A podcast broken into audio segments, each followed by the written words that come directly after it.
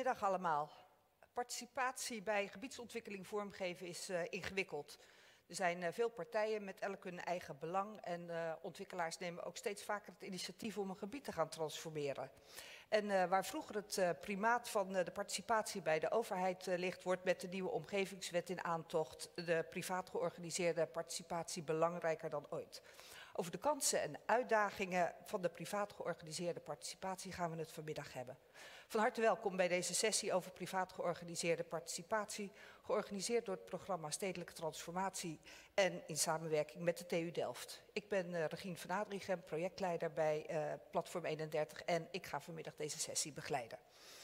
Um, aanleiding voor de sessie is het onderzoek dat de afgelopen periode door Wouter-Jan Verheul, Erwin Hurkes en Fred Hopma van de TU Delft is gedaan naar de privaat georganiseerde participatie. De uitkomsten van dat uh, onderzoek zijn aan het begin van de zomer gepubliceerd in het uh, essay Participatie, georganiseerd door private partijen. Uh, Wouter-Jan Verheul, de uh, auteur van de publicatie, zal zo dadelijk ingaan op de grootste uitdagingen en valkuilen bij privaat georganiseerde participatie. En aansluitend uh, ga ik daarover in gesprek met Stavros Souridis, hoogleraar bestuurskunde aan de, TU, of, sorry, aan de Universiteit van Tilburg, Mireille Knapen, senior locatiemanager bij BPD en Fleur Spijker, wethouder in Leiden, die sluit via Teams aan. In het uh, tweede deel van deze bijeenkomst is er gelegenheid om in een drietal verdiepende sessies uh, door te praten. De informatie over die sessies heeft u ontvangen bij de uh, uitnodiging die u voor deze, deze bijeenkomst hebt gekregen. En mocht u nou niet kunnen kiezen tussen die drie sessies, nou geen zorg, die keuzestress is niet mogelijk. We nemen ze allemaal op, dus u kunt ze nadien nog terugkijken op onze website. Um, voor ik het woord aan Wouter Jan geef, we zijn hier te gast op een bijzondere locatie. De Food Kitchen in het transformatiegebied De Kaai in Eindhoven, uh, de, het voormalige Campina-terrein. Hier gaat de komende jaren een ingrijpende transformatie plaatsvinden. Daar zullen we het met Mireille Knapen ongetwijfeld zo meteen nog over hebben. En daar is al heel veel participatie ingezet. En als amuse voor deze bijeenkomst hierover een kort filmpje.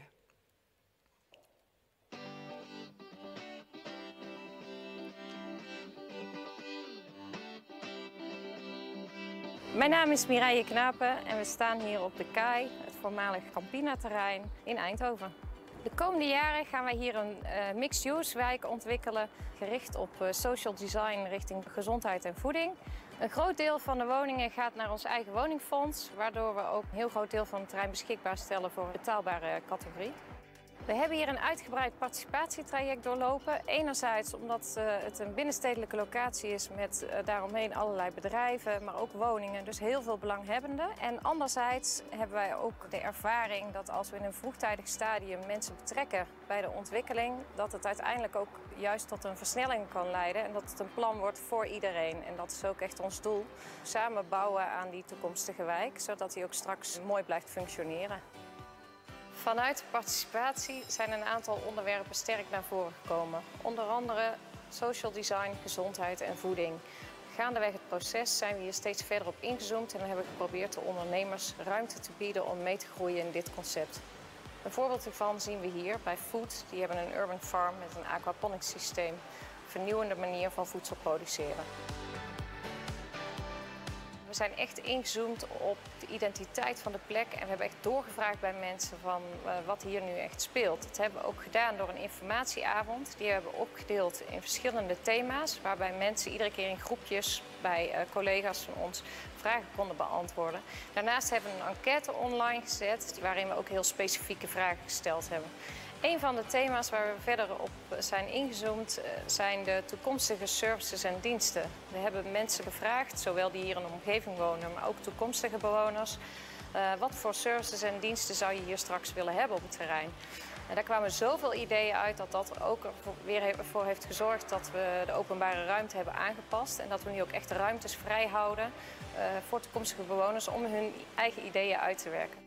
Ja, dan kun je denken aan uh, een feestje dat ze een keer een stukje terrein kunnen huren. Of uh, als er een groepje is die zegt, we willen graag een jeu de boelbaan. Nou, leg maar aan. We willen vooral daarin faciliteren en niks opleggen. Uit het participatietraject zijn ook behoorlijk wat opmerkingen gekomen op ons plan. Door die opmerkingen serieus te nemen, daadwerkelijk aanpassingen door te voeren en goed te laten zien wat je hebt veranderd, uh, creëert dat een heleboel vertrouwen. Zowel bij omwonenden, maar ook bij gemeenten en bij bijvoorbeeld raadsleden. En al die dingen, die optelsom bij elkaar, die zorgen ervoor dat je een sneller proces doorloopt. Maar ook dat je naar de toekomst toe een goede band opbouwt met bijvoorbeeld de gemeente. Waardoor de vervolgtrajecten ook weer beter kunnen verlopen. Door aan de voorkant een goed participatietraject doorlopen ben ik ervan overtuigd dat we uiteindelijk snellere en kwalitatief betere gebiedsontwikkelingen realiseren. We ontdekken echt goed de identiteit van de plek en kunnen daardoor ook beter inspelen op vragen en wensen van zowel huidige als toekomstige bewoners. Zie participatie als een kans en omarm deze trajecten. En ze zijn ook nog eens heel leuk om te doen. Participatie georganiseerd door private partijen. Ik wil graag wat vertellen over het onderzoek dat wij vanuit de TU Delft uh, hebben gedaan naar privaat georganiseerde participatie. Uh, wat geresulteerd heeft in uh, de publicatie. En ik zal u meenemen in een aantal inzichten en uitdagingen. Ik wil u meenemen naar een plek die u allemaal kent. Misschien niet de meest voor de hand liggende plek als u denkt aan omgevingsparticipatie en stedelijke transformatie. Maar u kent ongetwijfeld de pier in Scheveningen. Die heeft al jaren een zieltogend bestaan. En de huidige eigenaar die is van plan om er echt nu wat van te maken. Meerdere eigenaren die erop failliet gingen. Uh, alleen maar patat en poffertjes kramen tot op heden. En de vraag is natuurlijk voor de ontwikkelaar: kunnen we iets duurzaams maken voor de toekomst? Uh, wellicht een soort duurzame gebiedsontwikkeling met meerdere functies. Denk aan woningen, aan kantoren, aan andere leisurefuncties. En het interessante is eigenlijk van deze plek, ja, kan dat zomaar, zo'n gebiedsontwikkeling?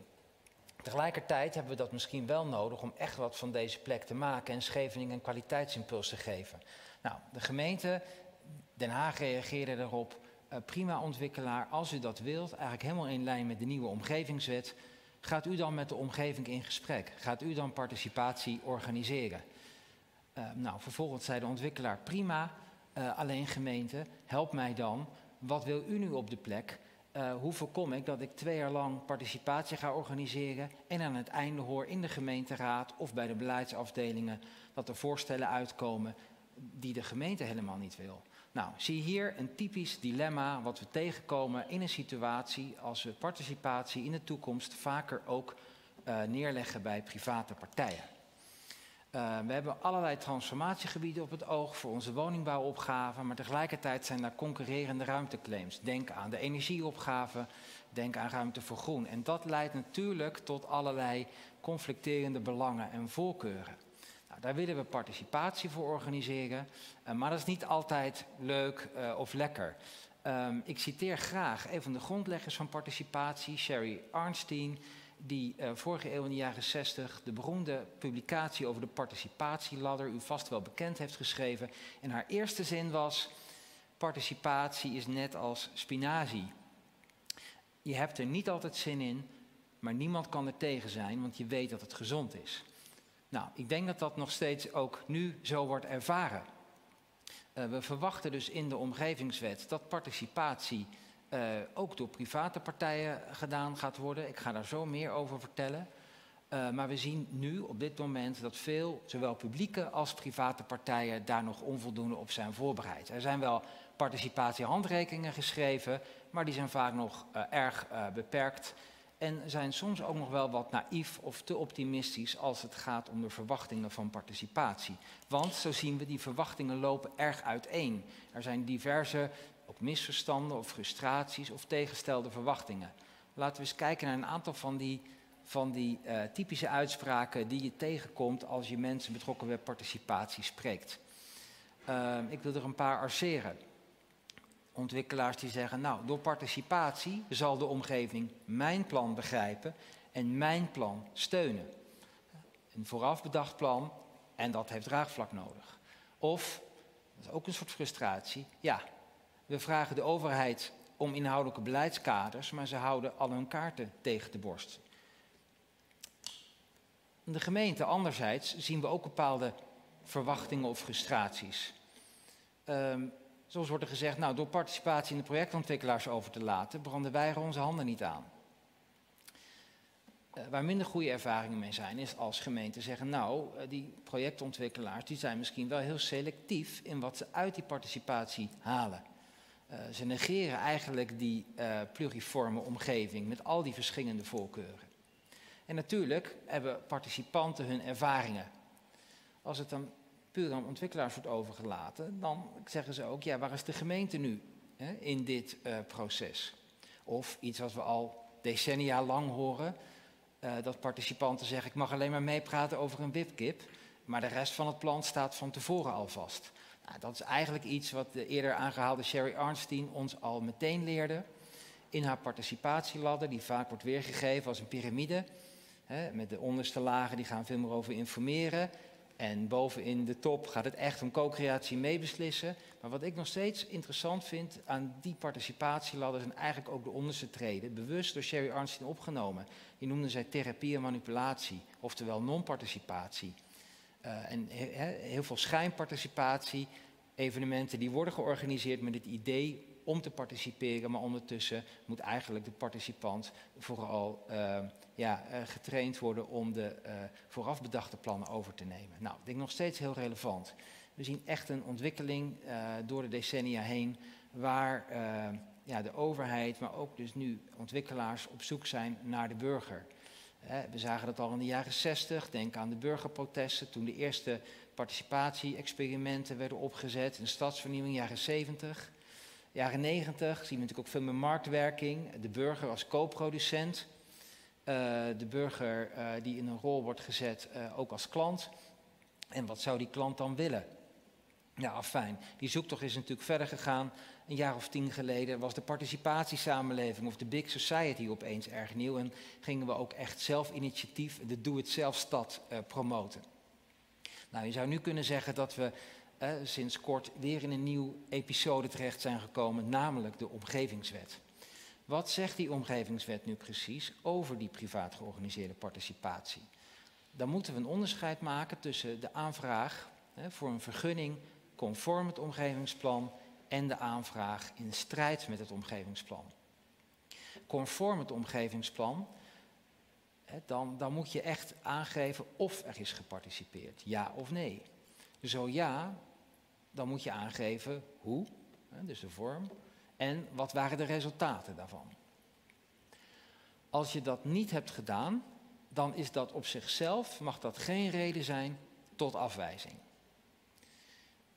Dan hebben we de situatie, en dat komt natuurlijk heel vaak voor, zie het voorbeeld van de herontwikkeling van de Pier in Scheveningen met een functiewijziging, dat er uh, een aanvraag wordt gedaan voor een vergunning strijdig met het omgevingsplan. Nou, artikel 1655, lid 7 omgevingswet, gaat daarop in.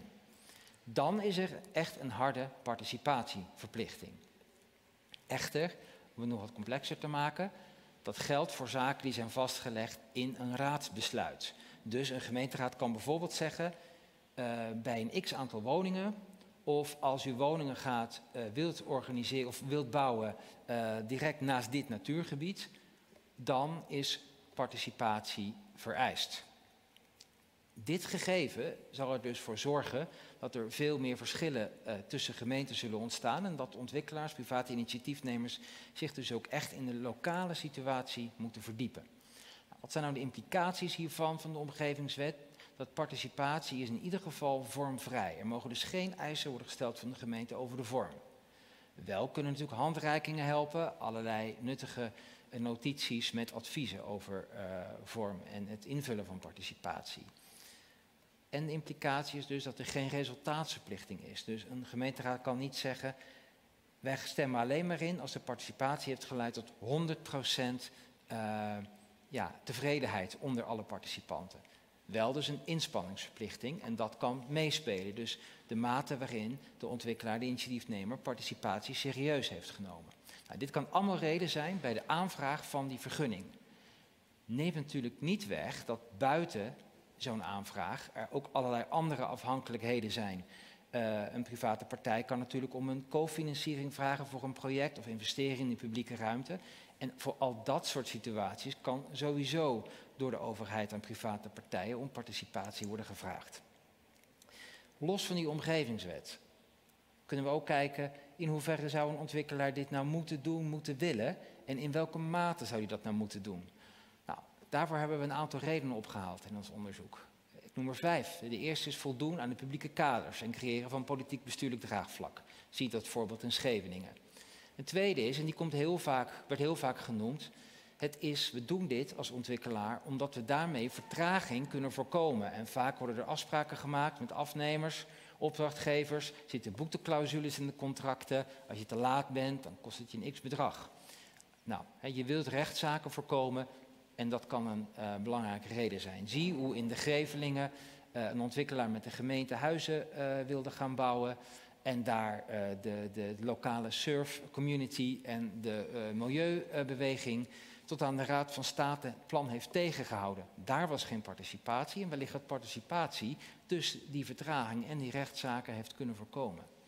Een derde punt is marktinformatie en crowdsourcing en planverrijking. Heel vaak hoor je dat mensen zeggen participatie is voor draagvlak. Ik denk nou dat is maar een, een deel van het antwoord. Participatie kun je net zo goed opvatten als het, eh, het, zoeken naar verrijking van plannen. Zie hier in Eindhoven waar ideeën voor de publieke ruimte en placemaking uh, zijn ontstaan. Um, we zien ook natuurlijk, dat is een vierde reden, hè, dat het goed is voor het imago uh, van het gebied, een positieve pers. Zowel voor het project dat wordt gemaakt als de initiatiefnemer. De private ontwikkelaar kan natuurlijk elders in de gemeente plannen hebben. En dan kan het helpen als je laat zien dat je omgevingsparticipatie serieus neemt.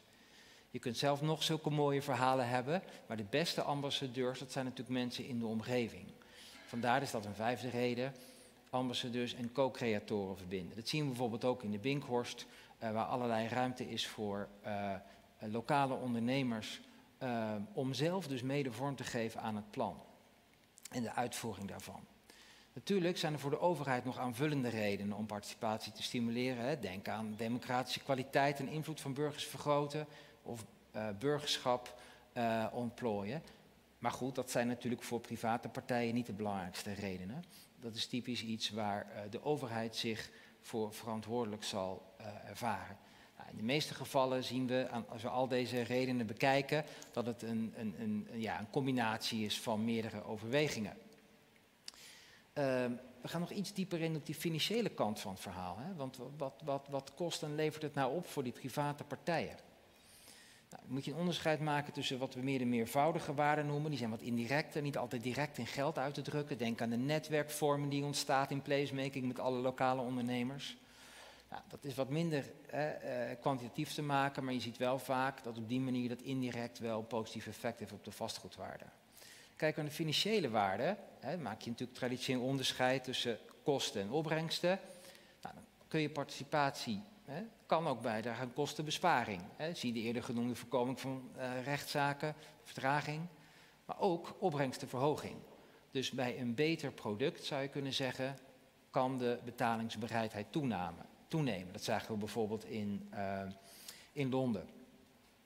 Um, of slimme, slimme, combinaties. Dus hier, niet hier verderop in Eindhoven, uh, de Hightech Campus, uh, nieuw bedrijvenpark zou ontwikkeld worden. De Brabantse Milieufederatie was daartegen, natuurlijk vanwege de natuur in het gebied. Maar die partijen zijn, voordat ze doorgingen met procederen bij de rechter, er samen uitgekomen in participatie met het gevolg dat zowel de ecologische diversiteit is versterkt in het gebied als de aantrekkelijkheid van een groen bedrijvenpark.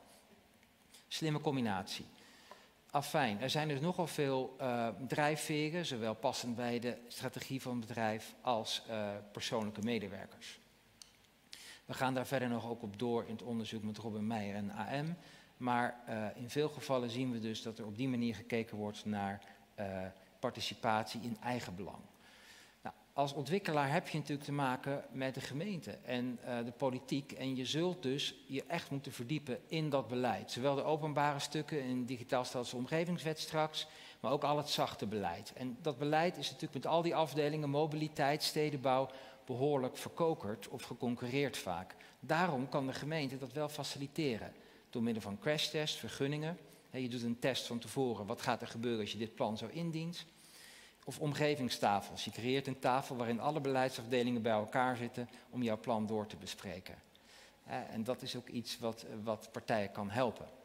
Nou, we zien dat die participatiehandreikingen van de gemeente, dat er erg veel verschillen in zijn. Maar over het algemeen, dat is ook wel een van onze takeaways, zie het vooral iets als samen optrekken tussen publieke en private partijen. Als gemeente zul je af, vooral moeten afvragen, vooral als er publieke waarden in het geding zijn, uh, echt stadsoverstijgende issues, dan is vooral toch echt uh, de gemeente van belang om uh, een sterke regisserende rol te hebben in die participatie. Je hebt natuurlijk ook te maken met de gemeenteraad. En ergens zul je een weg moeten vinden tussen distantie en betrokkenheid. Want de gemeenteraad kan zeggen, waar zijn wij nou in dit proces? En aan de andere kant wil je als initiatiefnemer niet dat een, een, een gemeenteraadslid jouw participatieavonden gaat kapen. Dus zul je ze tijdig op de hoogte moeten stellen en vooral een kaderstellen en controlerende rol moeten laten vervullen. Een van de dingen die wij ook echt wel tegenkwamen is natuurlijk dat er veel situaties zijn waarin lang niet iedereen wil participeren. Hè. Dus je hebt stereotype attitudes van de typische opponenten, mensen die tegen zijn of die heel erg afwachtend zijn. Nou, idealiter heb je veel uh, meedenkende of uh, maar die vragen toch allemaal een aparte benadering. Pas dus ook op voor een strikte fasering. Je hebt de stand-by zitters en die zegt, nou kijk eerst even aan en ik kom later wel in dat proces. We zien als het gaat om omgang met conflict dat echt die participatievormen ertoe doen. En dat je dus ook een op maat gemaakte participatie moet hebben in situaties, in gebieden waar veel meer bedrijven zitten. Die vaak veel meer een één-op-één benadering willen dan de grote participatie-events. Nou, probeer in ieder geval ook de waarde van conflict in te zien. Als je conflict per definitie verwijt, kan het als een boemerang terugkomen en organiseer je eigenlijk je eigen tunnelvisie. Afhankelijk van het vraagstuk kun je ook kiezen voor compromis of mutual gain, als je de goede vormen uh, gebeurt. En we zien steeds vaker dat ook buurtbatenovereenkomsten, contracten, nog erg experimenterend uh, van waarde kan zijn. Nou, om dit nu af te ronden en terug te gaan naar die eerdere slide over uh, die frustraties. Wanneer is het nou geslaagd? Hangt natuurlijk erg af of je een private, publieke uh, organisatie bent of een participant. Wat van belang is dat het ook erg afhangt van welk vertrekpunt, welk denkkader heb je nu. Denk je heel erg sociaal-communicatief, we kunnen samen uitkomen, mutual gain. Of kijk je van een financieel-economische denkwijze. Dus wat kost, het, wat kost het, wat levert het op? Wat is weer anders dan die puur juridisch-planologische denkwijze? Worden mijn rechten beschermd? Kan ik die omgevingsvergunning verkrijgen? En tot slot die politiek-democratische denkwijze. En daar zal zeker uh, de overheid natuurlijk naar kijken. Is die publieke waarde geborgd? En het belangrijkste publieke waarde is natuurlijk de borging van de pluriformiteit aan publieke waarden. Dus zijn ook minderheidsstandpunten hierin uh, genomen. Nou, afijn. Uh, alles kunt u nalezen in onze publicatie, in ons essay. Uh, zie dus het vooral als een publiek-private samenwerking. Participatie voor private partijen kan ook echt opgevat worden uit eigen belang. De publieke partij zal vooral na moeten denken over de borging van democratische waarden en ondersteuning van het proces. Uh, conflict hoef je niet uit de weg te gaan. Kom zal je zeker tegenkomen. Veel participatiehandreikingen zijn daar veel te naïef over. Uh, maar de juiste methoden kunnen daarbij helpen. Het blijft altijd mensenwerk. Dus we horen ook, als je niets met al je tijd, energie, inzet doet en toewijding, begin er dan niet aan, want dat kost je alleen maar tijd en energie. En tot slot, het is niet de enige weg naar Rome. Juridiseren, zeker in bepaalde situaties, uh, zal altijd ook een optie blijven. Of politiseren, een stadsoverstijgend belang, wat echt ook in de politieke arena uh, bediscussieerd moet worden. In al die andere gevallen overweeg uh, een goed ontworpen participatieproces. Bedankt. Dankjewel, uh, Wouter Jan. Uh, ik zei het uh, gisteren al tegen je. Ik vind het uh, bijzonder knap hoe jij 130 pagina's in 15 sheets hebt kunnen verwoorden. En daar kort en bondig dit verhaal van hebt kunnen maken. Er staat zoveel in dat essay wat de moeite waard is om te lezen. Dus we gaan met elkaar proberen om daar vanmiddag een paar onderdelen uit te halen. Om die met elkaar wat verder door te spreken. En dan wil ik graag we hebben ook afgesproken met elkaar dat we elkaar tutoyeren in dit gesprek. Dus voor de mensen thuis, uh, uh, we doen dat gewoon met uh, voornamen en je en jij. Stavros, met de Universiteit van Tilburg, doen jullie eigenlijk ver vergelijkbare onderzoek en komen jullie misschien wel vergelijkbare dingen tegen? Van, hoe luister jij nou naar dit onderzoek van Wouter Jan en zijn, zijn collega's? En ehm, nou ja, altijd is natuurlijk de vraag van het gaat uiteindelijk om die burger, hè? om gewoon die leefomgeving van die burger mooier en beter te maken. Zijn die burgers nou en die, die, die stakeholders beter af met deze uh, privaat georganiseerde participatie? Ja, nou, dat is een, vraag die heel lastig in het algemeen te beantwoorden uh, is. En ik heb het essay met ontzettend veel plezier gelezen. En waarom? Omdat dit voor het eerst, uh, in ieder geval in lange tijd, dat ik iets las over participatie, iets las of iets is wat um, niet per se meteen heel naïef zeg maar, participatie beschrijft als het nieuwe nou ja, wondermiddel, het nieuwe panacee om draagvlak te krijgen, om kwalitatief hoogwaardige besluitvorming te krijgen. Uh, en dit is dus dit is voorbij de naïviteit. Dus dat vind ik heel sterk. Wat ik ook heel sterk vind, en da daar, dat hadden we ons nog niet zo gerealiseerd in ons onderzoek naar omgevingsbesluitvorming uh, de afgelopen jaren, is dat participatie nadrukkelijk ook positioneert bij de initiatiefnemers. Bij de, jullie noemen dat private partijen. Kunnen natuurlijk ook burgers zijn, het kunnen projectontwikkelaars zijn, het kunnen een hele, uh, heel diverse groep kan daaronder uh, vallen. Het kunnen zelfs maatschappelijke initiatieven zijn die, het, die de start vormen. En dat vind ik heel goed, want daardoor voorkom je de dynamiek waar we heel vaak in verzeild raken. Iemand bedenkt iets, gooit het over de schutting spreekt vervolgens de overheid aan, of de gemeente aan. Jij moet er maar voor zorgen.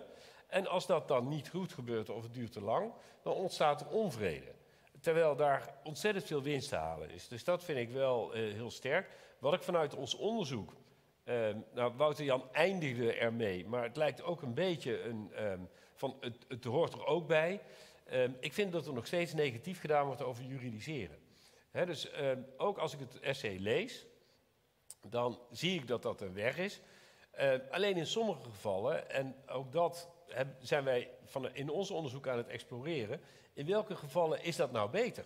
Of moet je juist heel snel dat opzoeken? En is daar al een antwoord op gegeven? In welke gevallen is dat nou beter? Ja, het is bijna, ik zou bijna zeggen, kom naar onze workshop zometeen. Maar hè, dus in het algemeen is zijn er twee dingen die, die daarbij een rol spelen. En die, die we zo meteen ook wat gaan uh, toelichten. De eerste is, hoe lees je dan de situatie? Welke situatie heb je aan de orde? We hebben situaties meegemaakt waarvan ik zeg, nou het is echt bizar dat het hier tot juridisering komt. Als je even een paar uur met elkaar aan het praten was gegaan, dan had je een oplossing gevonden.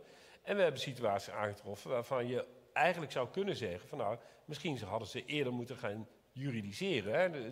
Het bestuursrecht kent de bestuurlijke lus, dus als je naar de rechter gaat, dan word je even teruggestuurd. Mag je er samen uitkomen? Je zou in sommige gevallen ook kunnen bedenken, nou misschien moeten we de rechtelijke lus hebben. En dat hangt dus heel erg van hoe lees je de situatie. Is er sprake, bijvoorbeeld een hele eenvoudige vraag, heb je duurzaam met elkaar te maken? Of is het een, wat dan in speltheoretische termen een base game genoemd wordt, of een hit-and-run uh, game? Uh, heb je eenmalig met elkaar te maken, ja, dan, dan kun je dus gewoon kijken wat is het maximale wat ik eruit kan halen. Als je met elkaar verder moet, hè, dus bijvoorbeeld we hebben een, een van de casus, is een veehouder die wil graag zijn bedrijf overdragen aan zijn kinderen in een dorp. Ja, dat die, ook die kinderen zullen dus met hun buren moeten blijven omgaan. Nou, als het zo'n soort um, structuur is, dan moet je niet te snel gaan juridiseren, want dan zet je de boel op scherp. Het, en er komt ook zelden iets uit wat voor iedereen bevredigend is. Dus hoe lees je de situatie? En de tweede, in het algemene uh, termen, is wat we zo meteen ook in die workshop gaan verkennen. Houd een beetje rekening met de bijwerkingen. Dus een bijwerking van participatie die wij onderscheiden, waar, waar Wouter Jan en zijn collega's in het essay wat minder aandacht aan besteden, is je hoort bestuurders vaak zeggen, ik zal de verwachtingen wel managen. Nou ja, verwachtingen, die kan je best proberen te managen. Maar ja, ik weet niet hoe het jullie allemaal vergaat, maar mij lukt het al heel moeilijk om mezelf en het gezin een beetje te managen. Laat staan de verwachtingen van mensen die hele andere belangen hebben, hele andere posities hebben. Dus die, die verwachtingen komen toch terug. Dus je moet rekening houden met welke dynamiek roep je op. Misschien is dat inderdaad wat je zegt, van de bestuurders zijn er om uh, verwachtingen te managen. Fleur Spijker, uh, de wethouder het Leiden, die is hier ook uh, bij ons digitaal aanwezig. Fleur, goedemiddag. Um, jij als bestuurder van de gemeente Leiden, hoe ehm, manage jij die verwachtingen? Nou ja, dit is natuurlijk een, uh, een, uh, een, stelling van uh, Stavels. Ik wil wel, Regine, erop ingaan hoe wij dat in, in Leiden oppakken en hoe dat eigenlijk in de omgevingswet is geregeld. de omgevingswet gaat ervan uit dat je natuurlijk ook vooral aan kaderstelling doet hè, vooraf. dus ook aangeeft op welke wijze je tot ontwikkeling van een gebied komt. En dat betekent op het moment dat je dus verder gaat en concreter wordt, er ook echt al wel wat ligt. Uh, en uh, dat is een samenspel, een beetje afhankelijk van de ontwikkeling zelf, hoe je dan die participatie inricht. En ik vind het ook heel indrukwekkend en leuk om vanmiddag ook te hebben over privaat georganiseerde participatie. Uh, dat is best ook een, uh, een uitdaging, vind ik, om uh, met elkaar scherp te krijgen, zeker in de wat meer ingewikkelde binnenstedelijke ontwikkelingen, van ja, hoe ga je zo'n participatietraject in? wie neemt welke rol daarin? En daar zitten, en dan kom ik ook op de vraag terug, daar zitten ook die verwachtingen in. Um, en ik zeg niet dat ik in staat ben om die verwachtingen als bestuurder te managen, maar ik denk wel dat je duidelijkheid kan uh, bieden aan die voorkant over um, ja, wat de mogelijkheden nog zijn binnen die participatie. En dat is dus afhankelijk van waar je zit in die gebiedsontwikkeling. En zeker als je dus al veel kaderstellingen hebt gehad. Jullie, uh, jij gaf uh, aan, ook in het voorgesprek wat wij uh, met elkaar gehad hebben, dat jullie ook een aantal mooie voorbeelden hebben waarbij je die participatie echt op een goede manier hebt ingezet. Bijvoorbeeld bij het energiepark in, in Leiden. En waar dat ook geleid heeft tot echt een goede inbreng van de, van de bewoners. Kun je daar iets meer over vertellen? Ja, uh, Regine, dat is ook heel leuk om te vertellen. Overigens is het een, denk ik, een vergelijkbaar gebied als in het filmpje werd getoond uh, de Kaai, uh, waar BPD in zit. En overigens het energiepark zit BPD toevalligerwijs ook in met andere partijen. wij hebben in Leiden nog binnen de singles een gebied liggen met heel veel functies. De grote energiecentrale, we hebben daar het Singlepark liggen, we hebben daar kantoren, we hebben daar uh, woningbouw. Er moeten allerlei functies een plek krijgen. Regine, ik hoor mij zelf dubbel. Daar wordt eh, door de techniek nu iets aan gedaan, Fleur. Goed. In ieder geval moeten daar allerlei functies komen. En wat wij daar hebben gedaan is, uh, we hebben sowieso met veel uh, nou ja, participatie een gebiedsvisie uh, neergelegd. En dat begon eigenlijk in de beginnen uh, met veel weerstand. Uh, het, uh, het, het, was echt, ja, mensen kwamen echt ja, op de bühne om te zeggen van, ja, wij willen dit anders. En er is geleidelijk aan, is er een, een samenwerking ontstaan. En toen wij een volgende fase ingingen van gebiedsvisie naar echt ontwikkelplan. Uh, toen is er een, een, overeenkomst gesloten tussen marktpartij, gemeente en bewoners om dat dus verder uit te werken. En dat is wel echt heel bijzonder te noemen. En uh, wat ik ook leuk vond is, het is, uh, ik noem het dan bewoners, maar er zaten ook allerlei partijen achter. Um, en wat ik leer uit dat traject is sowieso ontwikkelingen in Nederland waar die binnenstedelijk zijn, zijn vaak ook ja, ingewikkeld op zichzelf al. En dat betekent ook dat je te maken hebt met veel belangen en je zo gewoon regelmatig conflict van belangen hebben. En dat betekent dat je moet investeren eigen, uh, of investeren in een nou ja, wat, wat langere relatie met elkaar. En uh, dat kent dus ook een hele beweging. Dus ook, je ziet dat elke fase weer een, een eigen, nou, eigen vraagstukken oplevert.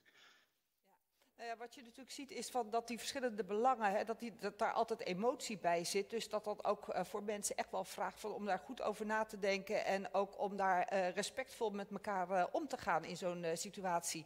Um, Mireille, wij spraken net even voor en jij zei van, ik vind het essay van Wouter Jan, het is hartstikke mooi. En het is de wetenschap achter wat wij al in de praktijk doen. En jullie hebben hier op, op de KAI een, een heel mooi proces al opgezet. En daar was uh, gisteravond eigenlijk het staartje van in de gemeenteraad van, uh, van Eindhoven. Dus uh, misschien het, wat je mij vertelde, een traject wat ongelooflijk snel is gegaan. En misschien wil je eens vertellen van hoe jullie dat aangepakt hebben. Uh, ja, uh, overigens is volgende week nog eens een definitieve besluit. Dus als het goed is, uh, valt dat. Maar gisteravond was de mening. Nou, neem wel vast het voorschotje. Ja, precies. Nee, maar dat was alleen maar complimenten, dus dat is ook hartstikke leuk. Dus overigens een aanvulling ook die ik graag nog wil geven op ehm, het verhaal van participatie. wat, het mij, wat ik merk in mijn projecten is dat het ook een bepaalde flow en energie geeft. En die heb je nodig om een gebiedsontwikkeling uh, goed te doorlopen met elkaar. Dus op het moment dat iedereen er ook energie van zo'n traject krijgt, dan gaat alles veel sneller, omdat het veel lichter voelt en makkelijker. Dus uh, dat vind ik ook nog een heel belangrijke uh, bijkomstigheid. Wij hebben hier um, aan de voorkant ook uh, met, met uh, adviseurs ook, het zit ook gewoon bij ons eigenlijk bij BPD geïntegreerd in het proces. We hebben heel goed nagedacht over een participatieplan. En, en dat participatieplan, daar hebben we ook ja, ook echt het, het, proces helemaal in beschreven van hoe, hoe gaan we het aanvliegen, waar gaan we, hè, welke stakeholders zijn er allemaal. Dus we hebben echt daar uh, ver op inzoomen, maar wel echt goed over nagedacht. En wanneer gaan we welke dingen doen? Uh, dat heeft geresulteerd in, uh, we hebben een anterieure overeenkomst getekend vorig jaar juli. En we hebben nu een vastgesteld, ja als het goed is volgende week een vastgesteld bestemmingsplan. Dus dat is ook echt voor ons heel uniek te noemen. maar dat was echt een, een, een, proces met heel veel energie, heel veel flow. omwonenden, we hebben ook raadsleden uitgenodigd. Uh, ja, dus we hebben echt al die aspecten zo goed mogelijk proberen mee te nemen. We hadden er ook eentje gemist. Nou, die hebben we toevallig deze week nog gesproken. Dat was één van de weinige, weinige zienswijzen, maar dat komt ook voor. Maar als je dan flexibel meebeweegt, goed luisteren naar de mensen, uh, ja, dan geeft dat heel veel energie en je komt veel meer te weten ook over de identiteit van de plek. En ja, je plan, ik ben ervan overtuigd dat je plan ook uiteindelijk veel beter wordt daardoor. Ja. En uh, wat uh, zo'n participatietraject, hè, wat, je daar dan, uh, wat je hier dan gelopen hebt, bedoel, daarmee heb je niet alleen natuurlijk met je stakeholders hier in de buurt te maken. Je hebt ook, als je begint bij zo'n transformatietraject, je hebt hier nog geen bewoners. Hè, dus je moet ook nee. iets doen met toekomstige bewoners. En je hebt ook te maken met de gemeente Eindhoven, die natuurlijk toch wel zeker wil weten dat hier op deze plek de goede dingen gedaan worden. Dus hoe ga je om met al die verschillende belangen en vooral ook met, ja, met, met toekomstige bewoners? Ja, um, dat ben ik net inderdaad ook vergeten te zeggen. Dat participatieplan hebben we in heel nauwe samenspraak met de gemeente Eindhoven gemaakt. Dus er is in de gemeente Eindhoven echt al veel ervaring met het participatieplan. Dus we hebben over en weer gewoon samen geprobeerd dat plan steeds beter te maken. Uh, en een van de onderdelen van dat plan was dat we ook een uh, stadsbrede enquête hebben uitgezet. En dat levert niet alleen uh, de, de, mensen, uh, die reageren niet alleen die dus belang hebben omdat ze hier uh, direct naast wonen, maar vooral ook die toekomstige bewoner, die krijgt daarin ook een stem. En ook mensen die niet zo gauw naar een informatieavond komen, die geen tijd hebben, die haken wel aan op zo'n enquête. Want dat is een kwestie van even, even invullen. En we bieden dan ook altijd de mogelijkheid dat ze ook echt kunnen komen meepraten als ze die interesse hebben. Dus, uh, die enquête is hier uh, voor dit terrein overigens meer dan 700 keer ingevuld. Dus een schat aan informatie waar wij de plannen weer mee verbeterd hebben. Ja, ja, ja. Ja, zeker, zeker, zeker. Ik wil niet een, een, een zeurpiet zijn, hè, dus, maar jullie, ik zag net ook heel mooi, jullie hebben dan de, de welke services wil je hier en de, ik zag allemaal geeltjes en post-its. En, hebben jullie nou ook afwegingen moeten maken zelf? Of was het allemaal keurig te combineren en te aggregeren? En zo ja, hoe, hoe zijn jullie daarbij hoe, daartoe gekomen? Ja, wij hebben uh, zeker afwegingen moeten maken. Er waren een aantal zaken waar we dus uh, echt dingen in, in veranderd hebben. Hè? Um, in, in het plan, dat bedoel je dan denk ik. Ja. Uh, maar we hebben ook bijvoorbeeld een, een stichting waar we mee gesproken hebben. En dat ging over zichtlijnen vanuit de ringweg hier op de monumentale schoorsteen. Um, ja, dus we hebben hier geluidsbelasting, dus we moesten daar iets mee met die rand. Maar ja, dat, dat, dan gebeurt er iets met die zichtlijn. Daar zijn we ook echt in goed overleg, uh, hebben we daar uh, heel goed vanuit alle hoeken gekeken, hoe kunnen we toch optimaal zicht houden en toch die geluid, uh, dus we hebben daar een parkeergebouw, gaan we daar maken. Dat krijgt ook extra kwaliteit. En dat is ook zo opgelost dat die zichtlijnen dan toch weer goed in beeld, of zo goed mogelijk in beeld blijven. Niet ideaal, maar doordat je goed in gesprek bent met elkaar, kom je dan samen tot weer creatieve oplossingen. Ja, dus daar waar trade-offs gemaakt zijn, zijn het bevredigende, voor, ieder, voor de meeste betrokkenen in ieder geval bevredigende trade-offs. Ja, ja, en ik probeer ook altijd in die uh, gesprekken daar niet te staan als ontwikkelaar en wij, uh, het moet zo. Maar we proberen heel erg juist te faciliteren om die mensen met elkaar ook te laten praten. En dat helpt ook heel erg, dat mensen zich gehoord voelen en dat je ook probeert om die dingen die gewoon ja, dat je samen zegt, dit zijn goede ideeën, dan passen we die ook aan. En we laten ook heel duidelijk zien. Dus we hebben ook een participatieverslag gemaakt daarna, ook weer op de website gezet, naar iedereen gecommuniceerd. Kijk, dit hebben we wel kunnen aanpakken dit, of aanpassen, uh, dit niet. Uh, en dat hebben we bijvoorbeeld ook weer met een uh, informatiesessie, een uitnodiging naar de raad gestuurd. Van nou, als u wilt, dan informeren wij u hoe wij het participatieproces hebben doorlopen. Zodat ze ook zien, nou, dit, dit waren onze afwegingen, we hebben dit wel kunnen doen, dit hebben we niet kunnen doen. Ja, en dit is de oplossing geworden. En dat, ja, dat heeft in dit traject echt enorm veel energie bij iedereen gegeven. Ja. Dus iedereen voelt Mag het ook als zijn vraag? plan. Nog één vraag stellen dan? Want het, het is natuurlijk. Um, kijk, ik, heb, ik ben bijziend. Want ik heb een, uh, ben parttime lid van de Onderzoeksraad voor Veiligheid. Dus wij zien het alleen als het verkeerd gaat. He, dus dat is de bijziendheid die ik meeneem. Wat mij opvalt is dat dit heel goed gegaan is. Um, wat ik dan interessant vind is, het zal ook wel eens verkeerd gaan. Wat, wat maakt dat het, dit nou zo goed gegaan is? Afgezien van jullie betrokkenheid als bedrijf en, uh, jullie aanpak die, die succesvol is. Maar wat maakt nou in deze context dat het hier lukt? Um, ja, ik denk uh, de energie en de passie die iedereen heeft meegekregen vanuit het traject. En de wil om er samen uh, iets van te maken. Om gewoon die, die positieve grondhouding uh, te creëren. Okay. Dat denk dus het ik. Het traject zelf, zeg je? Het traject zelf, denk ik, ja. En de bereidheid om, om gewoon echt open te staan voor, voor ideeën. Dus kom niet als ontwikkelaar met dit is mijn plan en, en dit moet, want... Maar ja, probeer echt... Er waren geen onbetaalbare ideeën in het proces. Nou ja, wij vonden het best wel heel spannend om uh, bijvoorbeeld de, de, hele openbare ruimte. Dat is onze gedachte natuurlijk van, ja, die dragen we over aan de gemeente en het beheer en het onderhoud. Hmm gaat ook naar die gemeente en dat is dan geregeld. En ja, wij hebben in het proces gedurfd om te zeggen, nou, we dragen een strook waar de riolering ligt en de veiligheidsdiensten moeten kunnen komen. Die dragen we over aan de gemeente met alle technische uitgangspunten. Dus op die manier hadden we dan de beheerafdelingen van de gemeente ook mee omdat, die, omdat dat paste binnen de kaders. Maar die ruimtes die er allemaal buiten liggen, die verbindingszones zoals wij ze noemen, ja, dat, dat vinden we nu heel spannend. Hoe gaan we dat verder uitwerken? Wie wordt er eigenaar van? Hoe gaan we dat mm. beheren? Hoe gaan we dat, mm. dat is dan weer dus die, die services en, uh, en mm. community building. En hoe ga je daar dan weer mee om?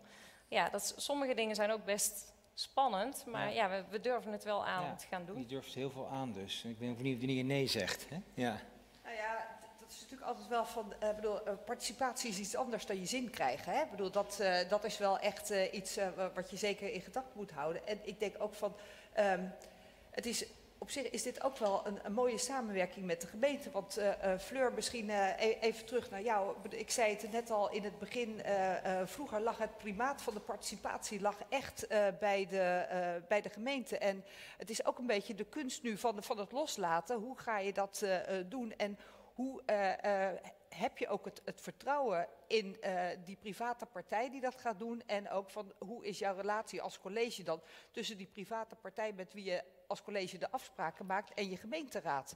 Ik bedoel, je merkt toch vaak van, bedoel, als die participatie dan op een gegeven moment niet goed gaat, dat het bijvoorbeeld toch bij de gemeente terechtkomt. Van hoe ga je daarmee om? Nou, dat laatste zonder meer, uh, Regine. Het komt altijd bij mij terecht en daar ben ik ook voor. Ik ben ervoor om uit te leggen wat we in onze stad doen. En uh, dat dient wat mij betreft ook een hoger doel. Hè. We willen de, de stad uh, mooier en beter maken. We hebben opgaven, die willen we ook op een, een goede manier oppakken. Um, ja, wat ik net al zei, bij ons is het niet zo dat je in één keer een bouwplan hebt en daarmee is het klaar. Dus wij hebben eigenlijk gelet op het binnenstedelijk ontwikkelen, hebben we een soort opbouw van stukken uh, waar we mee bezig zijn. Dus dat betekent dat op al die stukken en al die momenten ook participatie plaatsvindt. Um, en wat nu de kunst is in deze tijd, is vooral ook zodra private partijen aan zet zijn of mede aan zet zijn om in die samenwerking uh, goed met elkaar te bespreken wat de rolverdeling gaat zijn. En wat ik wel steeds meer zie, is dat je dus echt hybride vormen van uh, ja, uh, participatie krijgt. Dus zowel dat de gemeente daarin zit als dus private partijen en bewoners of andere stakeholders of belanghebbenden of betrokkenen. Um, en dat is toch een beetje afhankelijk van het project, uh, project zelf. Dus het vraagt inderdaad ook loslaten, maar ik zie wel dat dat uh, vaak niet uh, volledig loslaten is. juist ook omdat nou ja, dat binnenstedelijk herontwikkelen vraagt ook om meerdere partijen in, in, in zo'n traject. Dus je pakt het echt gezamenlijk op. Maar de duidelijkheid over wat je gaat doen vooraf, dat is wat mij betreft het allerbelangrijkste. En ook eigenlijk duidelijkheid wat je dan uh, verwacht van andere partijen die deelnemen in de participatie. Ik merk ook als ik daarover duidelijk ben, zelf als bestuurder, van dit is de ruimte om te participeren. Hè? Dus u heeft de mogelijkheid om bijvoorbeeld binnen dit gebied uh, te kijken waar het groen komt of uh, de woningen. Uh, waar die uh, moeten komen of op welke vorm, dan is dat ook duidelijkheid. Uh, maar tegelijkertijd ehm, moet ik er ook vaak bij zeggen dat bijvoorbeeld de urgentie voor het bouwen van woningen zo hoog is, dat we wel zeggen, ja, het moet van een zeker volume zijn. En ja, daar valt dan in heel veel gevallen niet over te participeren. En het is dus de kunst om dat duidelijk te maken, waar je wel en niet over kan participeren en waar de, ja, wie welke rol neemt. Ja, dan loop je het risico, zeker als die private uh, participatie, als die uh, uh, gewoon echt een belangrijke rol gaat spelen, is dat de raad zich buitenspel voel, gezet voelt worden. Hè? Van, bedoel, en dat, dat is natuurlijk ook iets wat. Bedoel, de raad is ook een van de stakeholders en die moet je zeker goed meenemen in het proces. Dus he, heb je daar een, een, een, speciale aanpak voor? Of neem je de raad ook vanaf het begin af aan mee? Ja, Regine, juist wel. Omdat je natuurlijk, wat ik al zei, van ik heb verschillende stukken. Dus ik begin uh, in Leiden met de omgevingsvisie, die stadsbreed. Daar geef ik al aan waar we gaan verstedelijken, waar we grote opgaven hebben. Dan hebben wij per wijk of, of, of deelgebied in, uh, in Leiden ook ontwikkelperspectieven. En dan vaak hangt daaronder nog een gebiedsvisie. Nou, en dan heb je in die tussenliggende periode vaak die raad al op de hoofdlijnen uh, meegenomen. En op het moment dat het tot een uitwerking in een gebied komt, dan liggen er dus al uh, kaders of regels of hoe je dat wil stellen. En uh, zolang dat daarbinnen plaatsvindt, merk ik ook uh, dat de raad, zodra de uitwerking dan bij de raad komt, dan zal de Raad natuurlijk altijd nog wel een mogelijkheid hebben om uh, op basis van het algemeen belang, of bijvoorbeeld vanuit een, een, een, een, nou ja, toch een politiek belang of een stroming of een keuze, iets anders te beslissen. Maar dat zal dan, is mijn ervaring in Leiden, nooit leiden tot uh, een geheel nieuw plan. Uh, dus je hebt, ik, wat ik zelf ook probeer, is zoveel mogelijk zekerheid aan die voorkant te bieden, ook aan initiatiefnemers en private partijen. Um, en wat wij ook in Leiden doen is uh, bijvoorbeeld ook, uh, nou ja, bijeenkomsten zijn vaak ook toegankelijk voor raadsleden. Uh, dus die raad wordt ook meegenomen. En het is natuurlijk ook het politieke handwerk voor mij als bestuurder om, om dat ook goed, met dat contact met raadsleden goed te houden en te zorgen dat daar voldoende draagvlak voor komt. Wou jij? Ja, nee, ik, ik wilde wel iets zeggen, maar als Wouter Jan ik ben daar natuurlijk heel erg voor om duidelijkheid te scheppen aan het begin. Verwachtingmanagement, maar dat is ook ingewikkeld wat Stavros, uh, wat, wat, wat, jij al zei. Uh, dit zijn de randvoorwaarden, dit zijn de kaders. Maar soms zit daar ook juist het conflict op die randvoorwaarden. Dus eh, bestuurskundigen zeggen ook wel eens, je moet rubberen randvoorwaarden hebben om eruit te kunnen komen. Dus het voorbeeld, de bekende voorbeeld in transformatie gaat steeds weer over volumes, vierkante meters, parkeren als je alleen maar vasthoudt, er moet zoveel volume in dit parkeren komen, kom je er niet altijd uit. Soms als je daar toch iets kunt schuiven of eh, elkaars belangen probeert mee te nemen, dan kan meervoudig ruimtegebruik een oplossing zijn. Dus dan blijken we een casus waarin uh, een parkeergarage uh, wordt gebouwd uh, voor een kantoor, maar waar de buurtbewoners te weinig parkeerruimte hebben, maar die s'avonds kunnen die wel door de ontwikkelaar mogelijk gemaakt in die parkeergarage parkeren. Uh, of uh, er wordt nu met natuurlijk veel gedaan met andere meervoudige ruimtegebruikoplossingen. S'avonds in de kantoren een yogastudio. Dus ja, ik ben heel erg voor duidelijkheid en randvoorwaarden. Maar als die te veel al het startpunt zijn in beton, juist daar zit vaak het conflict op. Dus moet je ergens ook creatief kunnen zoeken tijdens het proces naar uitruilmogelijkheden. Nou ja, ik, ik wilde op basis van, van de discussie uh, zojuist over de gemeenteraad. Uh, ik zie nu zo'n 25 jaar gemeenteraden worstelen met hoe gaan wij om met dit soort participatieprocessen. Ik kan daar op basis van ons onderzoek, van een deelonderzoek van vorig jaar, kan ik daar iets heel stouts over zeggen. We hebben namelijk gekeken onder 1500, een representatieve groep van 1500 Nederlanders, van wat vinden ze nou het meest legitiem? Welke, welke, welke manier van besluitvorming, welke basis voor besluitvorming vinden ze nou het meest legitiem? En daar hebben we er drie onderscheiden. Ik zal de techniek van het onderzoek, uh, nou, ik zal Feijen zo in de sessie wel iets over vertellen. Maar we hebben onderscheiden uh, directe meebeslissen door betrokkenen, door de direct betrokkenen, de gemeenteraad en de rechter. En dan blijkt dat de rechter en de direct meebeslissen door betrokkenen uh, enorm hoog scoren en de gemeenteraad extreem laag. Dus het vertrouwen of de legitimiteit die wordt toegekend aan de kaders of aan het besluit van de gemeenteraad is echt substantieel lager dan de uh, legitimiteit die wordt toegekend aan participatie door de direct betrokkenen, dan wel de rechter. Ja. Dus dat ter relativering, hè, dus zou bijna, dat, daarom zeg ik iets stouts uh, zeggen. Ik zou bijna tegen die gemeenteraden willen zeggen, uh, neem een beetje een bescheiden positie in als je kijkt naar, de naar je eigen legitimiteitsclaim. Uh, nou ja. Dat... ja Fleur, ehm, wat vind je daarvan? Uh, nou, kijk, de gemeenteraad neemt natuurlijk verschillende rollen in. Hè? Uh, ze hebben budgetrecht, uh, vrij essentieel. maar goed, daar hebben we het dan nu even niet over. Maar ze hebben natuurlijk die kaderstellende rol, toezichthoudende rol en ook die volksvertegenwoordigende rol. En ja, het is ook maar net hoe die gemeenteraad opereert in een gemeente. Um, ja, waar de nadruk ligt en, en, en hoe die rol wordt opgepakt. Uh, dus ik, ik, uh, kijk, ik heb dit onderzoek niet gedaan, uh, wat, wat Stapels aangeeft. Maar mijn ervaring is, is dat de Raad ook een, een hele goede bijdrage in het proces kan leveren. En ik vind het zelf heel belangrijk dat die Raad vooral ook gaat staan op dat algemeen belang. Um, en dat, dat zie ik nog wel eens in, in projecten terugkomen waarin. Uh, bijvoorbeeld één belang uh, door uh, omwonenden of andere betrokkenen enorm naar voren wordt gebracht, dan hoop ik altijd dat de gemeenteraad het algemeen belang goed in de gaten houdt. en, en dat ook weegt. En ja, kijk, over de toetsing van de rechter, uh, daar kunnen we het ook heel lang over hebben gaan hebben. Maar we hebben het hier natuurlijk vooral over participatie. En ik zie participatie als een heel belangrijk onderdeel. En waarin iedereen zijn rol en taak heeft. Maar hij knelt regie natuurlijk wel waar jij ook zegt. Kijk, stel nou, dat zag ik ook bij het energiepark. Uh, er lag gewoon een, een heel mooi ontwikkelplan op enig moment helemaal gedragen.